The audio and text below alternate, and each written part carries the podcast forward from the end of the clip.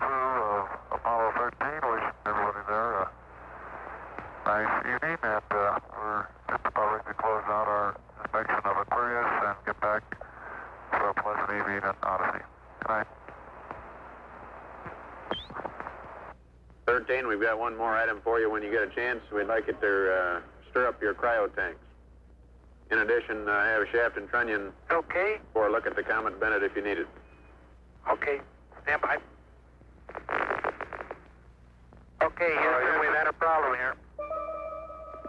Houston. Say again, please. Yes, uh, Houston, we've had a problem. We've had a main B bus undervolt. Roger, main B undervolt. Okay, stand by, 13. We're looking at it. Bílun hefur orðið í rafmagskerfi Apollos 13. Yfirmenn bandarísku geimferðarstofnunarinnar hafa ákveðið að hætta við tunglendinguna og beinist nú öll aðtikli sérfræðinga að því að ná geimferunum þremur, Jim Lowell, Jack Swigart og Fred Hayes heilum á húfi til jarðar. Fyrir rösklega einni klukkustund reistu geimferðarnir reyfil tunglferjunar til að komast á braut um hverfis tunglið, en á þeirri braut komast þeir til jarðar aftur. Það sem gerir ástandið í Apollo enn alvarlegra er að leki hefur komið að súrefnisgeimum og streymir súrefni út í geimin. Snemma í morgun urðu Lowell og Hayes að fara inn í tunglferjuna vegna súrefniskorts. Rúm er fyrir tvo í tunglferjunni. Hægt er að þrengja þriðja manni inn í ferjuna en það verður ekki gert nema í ítrustu nöðsing. Ekki er vitað hvað biluninni olli. Skyndilega heyrðu geimfararnir kvell og raukt neyðarljós kviknaði. Einn kenning sérfræðinga er svo að loftsteinn hafi skollið á geimfærinu. Erfiðasta verkefnið í bili er að ná Apollo inn á réttabraut til jarðar. Vísindamenn hafa ekki ákveðið ennþá hvort förunin til jarðar verður flýtt eins og hægt er en þá verður geimfærið að lenda á Allandshafi. Því hafi ekki verið gert ráð fyrir og þar er því engin viðbúnaður en bandarískir sérfræðingar eru nú að kynna sér hvaða skip geta verið á hugsanlegum lendingarstað Apollos. Ef geimfarið verður látið lenda á Kirrahafi verður það nýju klukkustundum síðar en hugsanleg lending á Allandshafi. Áður en geimfarið kemur aftur inn í guðukvolfið verða geimfariðnir tveir í tungferjunni að fara aftur inn í sjálft geimfarið þar sem tungferjan verður glóandi þegar hún kemur inn í guðukvolfið. Yfirmenn geimferða áallunar bandaríkjamanna eru bjart sínir á að undverði að ná Apollo til jarðar án þess að geimferðana þrjá saki. Sem stendur er ekki ástæða til að óttast um neitt og geimfararnir hafa tekið bilunónum með stillingu.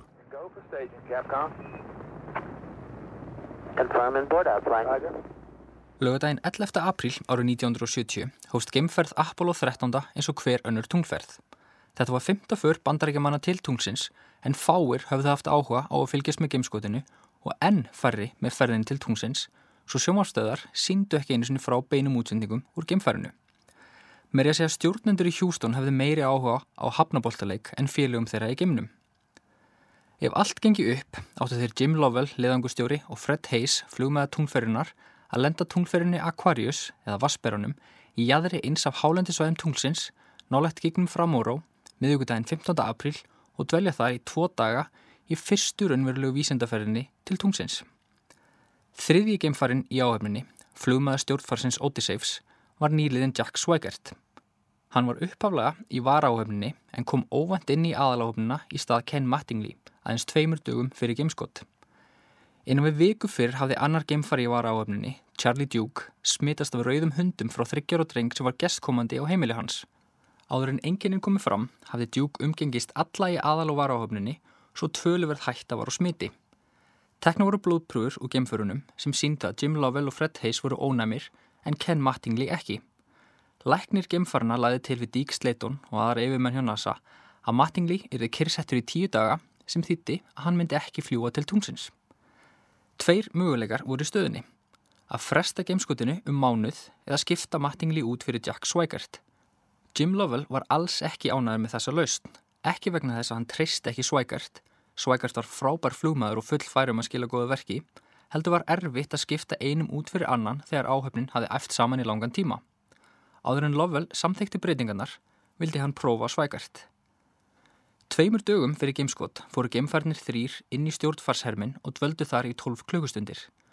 Augljóst var að Swigert kunni sitt fag og þegar prófinu var lokið samþykti Lovell breytinguna.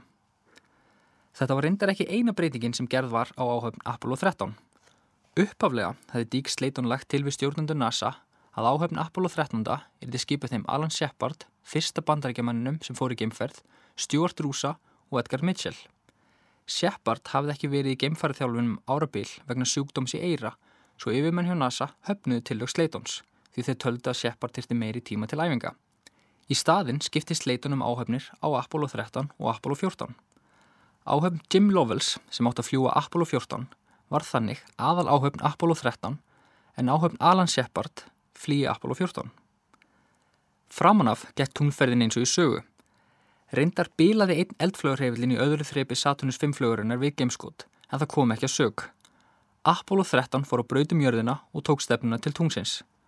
Sólarhing eftir flugtak var stefni geimfarsins breytt til að laga braut þess og eftir það var útilokað fyrir geimfarna að koma sjálfkarfa til jarðar eftir eina ferðum tunglið eins og verið hafði í fyrir tungferðum. Fyrir tungferðir höfðu tekist svo framúrskarandi vel að ekki var talin þörf á að slá slíkan varnagla. Þetta gjur breytist skömmu eftir að beinu sjónvarsflutsendingunni laug aðfarnótt þriðdagsins 14. apríl, 55 klukkustundum eftir gameskott. Stjórnundur í Hjústón báðu þá svækert um að hræra í súrumnjöfsgeimum þjónustufarsins.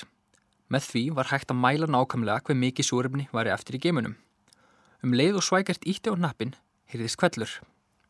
Ótisefur hristist til og frá og gemfarnir líti undrandi hver á annan. Fjarskipti rópnuði, tölvan var í vandræðum og viðvörunljós blikkuði sem síndi að spenna hafði fallið rafkerfi gemfarsins. Lovell tilkynnti Hjústón að alvarlegur vandi var á höndum. Stjórnundur í Hjústón vissi ekki hvaðan á sig stóð veðrið. Flugstjórun Gene Kranz og starfsmenn hans reyndu allt sem þeir gáttu til að hjálpa en ekkert gekk.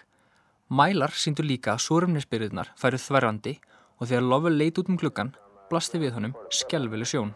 Yeah, that uh, uh, uh.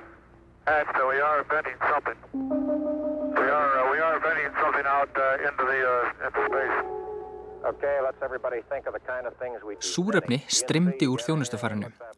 Súrefnið var ekki aðeins nöðsynlegt til að halda lífi, heldur til þess að framleiða rafmagn í stjórnfarinu og ræsa hreyfil geimfarsins til að komast aftur heim til jarðar.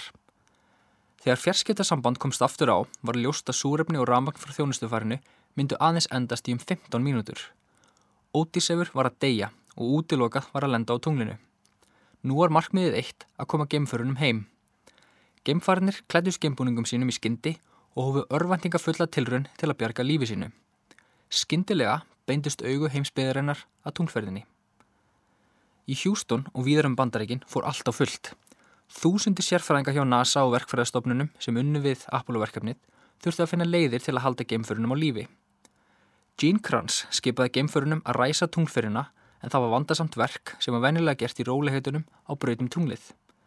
Þó tunglferjan hefði sínar einn súrumnisbyrðir, rafkerfi, tölvu og eldflögar, var slögt og öllu fyrir geimskot til að spara rafluður ferinar.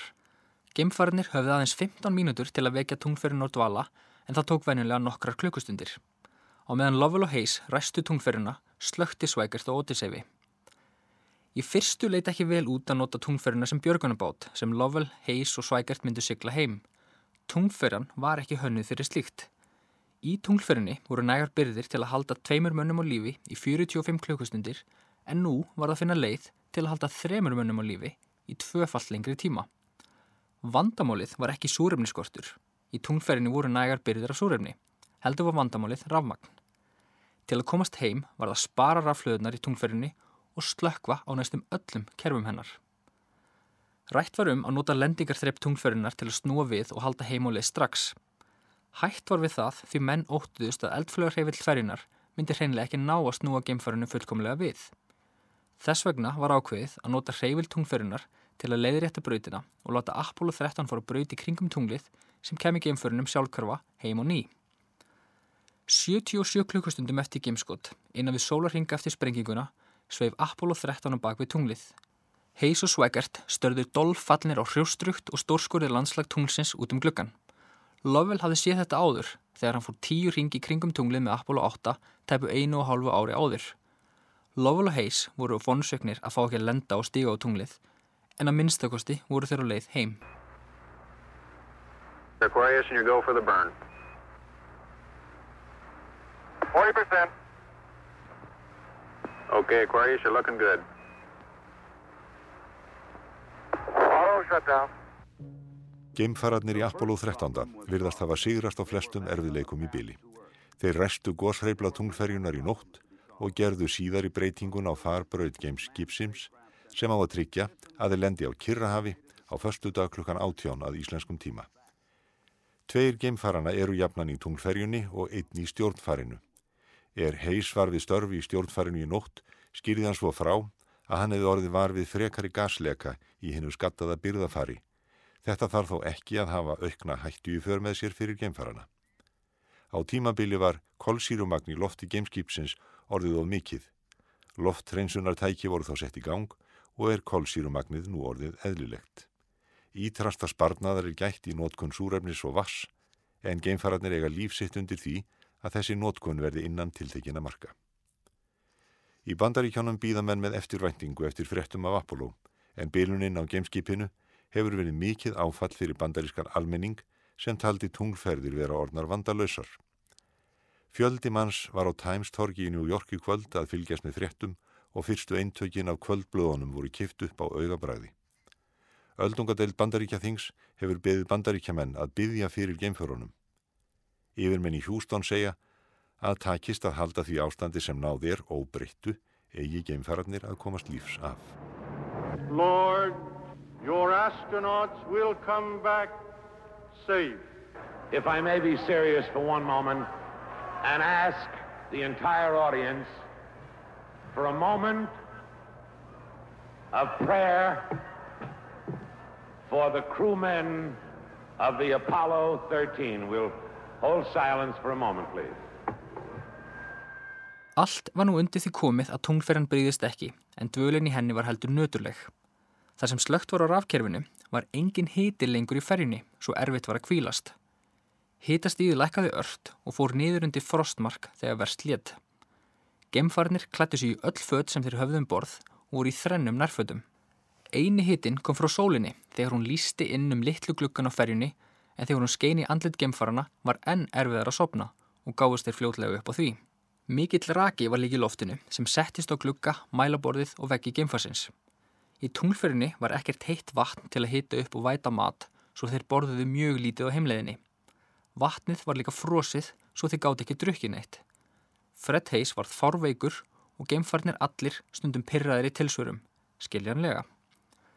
Föstudagsmorgunin 17. apríl sveif Jack Swigert inn í frosið stjórnfarið á ný og bjó geimfarið undir lendingu.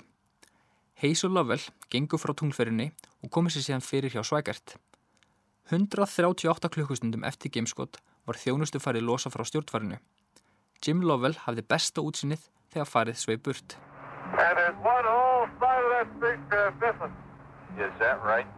And the whole panel is blown out, almost from the uh, base to the uh, engine. Really. Man. Þremur stundum síðar var búið að ræsa stjórnfarið sem nú gekk fyrir raflöðum og loka lúinu millir þess og tunglferinnar.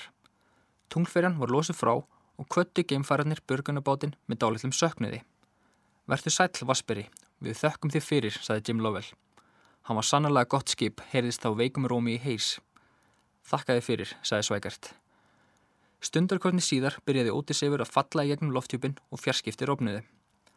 Venjulega var stjórnfærið sambandslöst í um þrjár mínútur, en eftir að sátími var leiðin heyrðist ekkert frá geimförunum.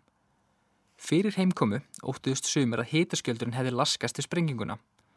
Ef svo væri, kemur gat á geimskipið og það brinni upp í lofthjúpinum önnur löng mínúta leið en ekkert heyrðist. Þá byrtist skindilega merki í stjórnstöðinni sem benti til að stjórnfarið hefði staðist fæðalæð af. Odyssey Houston standing by, over. Otis yfir Houston við býðum kallaða Joe Curwin sem stýrði samskiptunum við geimfarið á þessum tímapunkti en ekki Ken Mattingly eins og í kveikmyndinum Apollo 13. Örfám sekundum síðar heyrðist í Jack Swigert.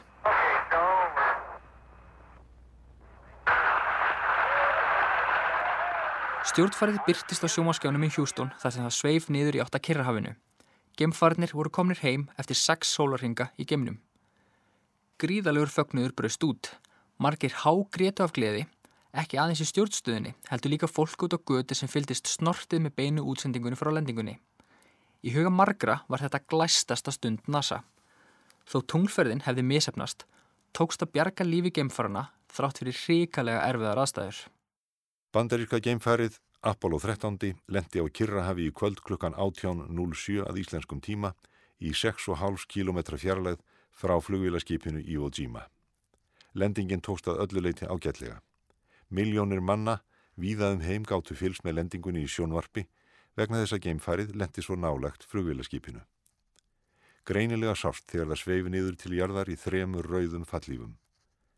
Þegar geimfararnir losuðu tækjafarið frá stjórnfarinu í gær, sáu þeir að ein hlið tækjafarsins hafði ripnað af.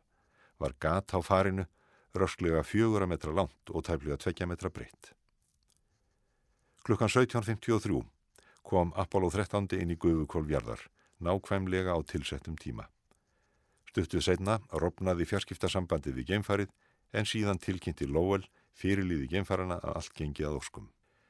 Talið er að 600 miljónir manna hafi fylst með lendingunni í sjónvarpi og er talið að aldrei áður hafi svo margir sjónvarsnotendur fylst með sömu sjónvarsdagsgrá. Tass fréttastofan sovjerska byrti fréttum lendinguna nokkurum mínútum eftir að Apollo sveif niður á Kirrahaf. Nokkurum mínútum eftir að geimfærið lendi á sjónum voru þyrlur komnar að því og frosk menn úr einni þyrlunni festuð gummírking utanum geimfærið. Eftir stuttastund var hlerin á geimfærinu opnaður og geimfærarnir komu út hver á eftir öðrum og fóru í björgunarbát. Veður var ágætt á lendingarsvæðinu. Eftir halva klukkustund frá því að geimfærið lendi var heis geimfæri dregin upp í eina þyrluna, þá svækart og loks lóel. Geimfærarnir voru við góða hilsu þegar þeir komum borði í flugvilaskipið en voru mjög þreyttir. Þeir fengu að síma til fjölskyldna sinna áður en lækniskoðun hófst. Á morgun flytur þyrla geimfarana til Pago Pago, höfðu staðar Samoa eiga og ætla eigaskeggjar að fagna þeim með söng og dansi. Heitlaskeiti hafa streymt víðsvegar aðum allan heim til geimvísindastöðvarinnar í Hjústón í Texas og til Nixons bandaríkjaforsetta vegna lendingar Apollos 13. Nixon bandaríkjaforseti hefur ákveðið að næsti sunnudagur skuli helgaður þakkar bænum vegna lendingarinnar og forsetin ætlar að sæma geimfarana æðsta heiðursmerki bandaríkjana fyrir afrikið. Atöfnin fer fram á Hawaii-eigum.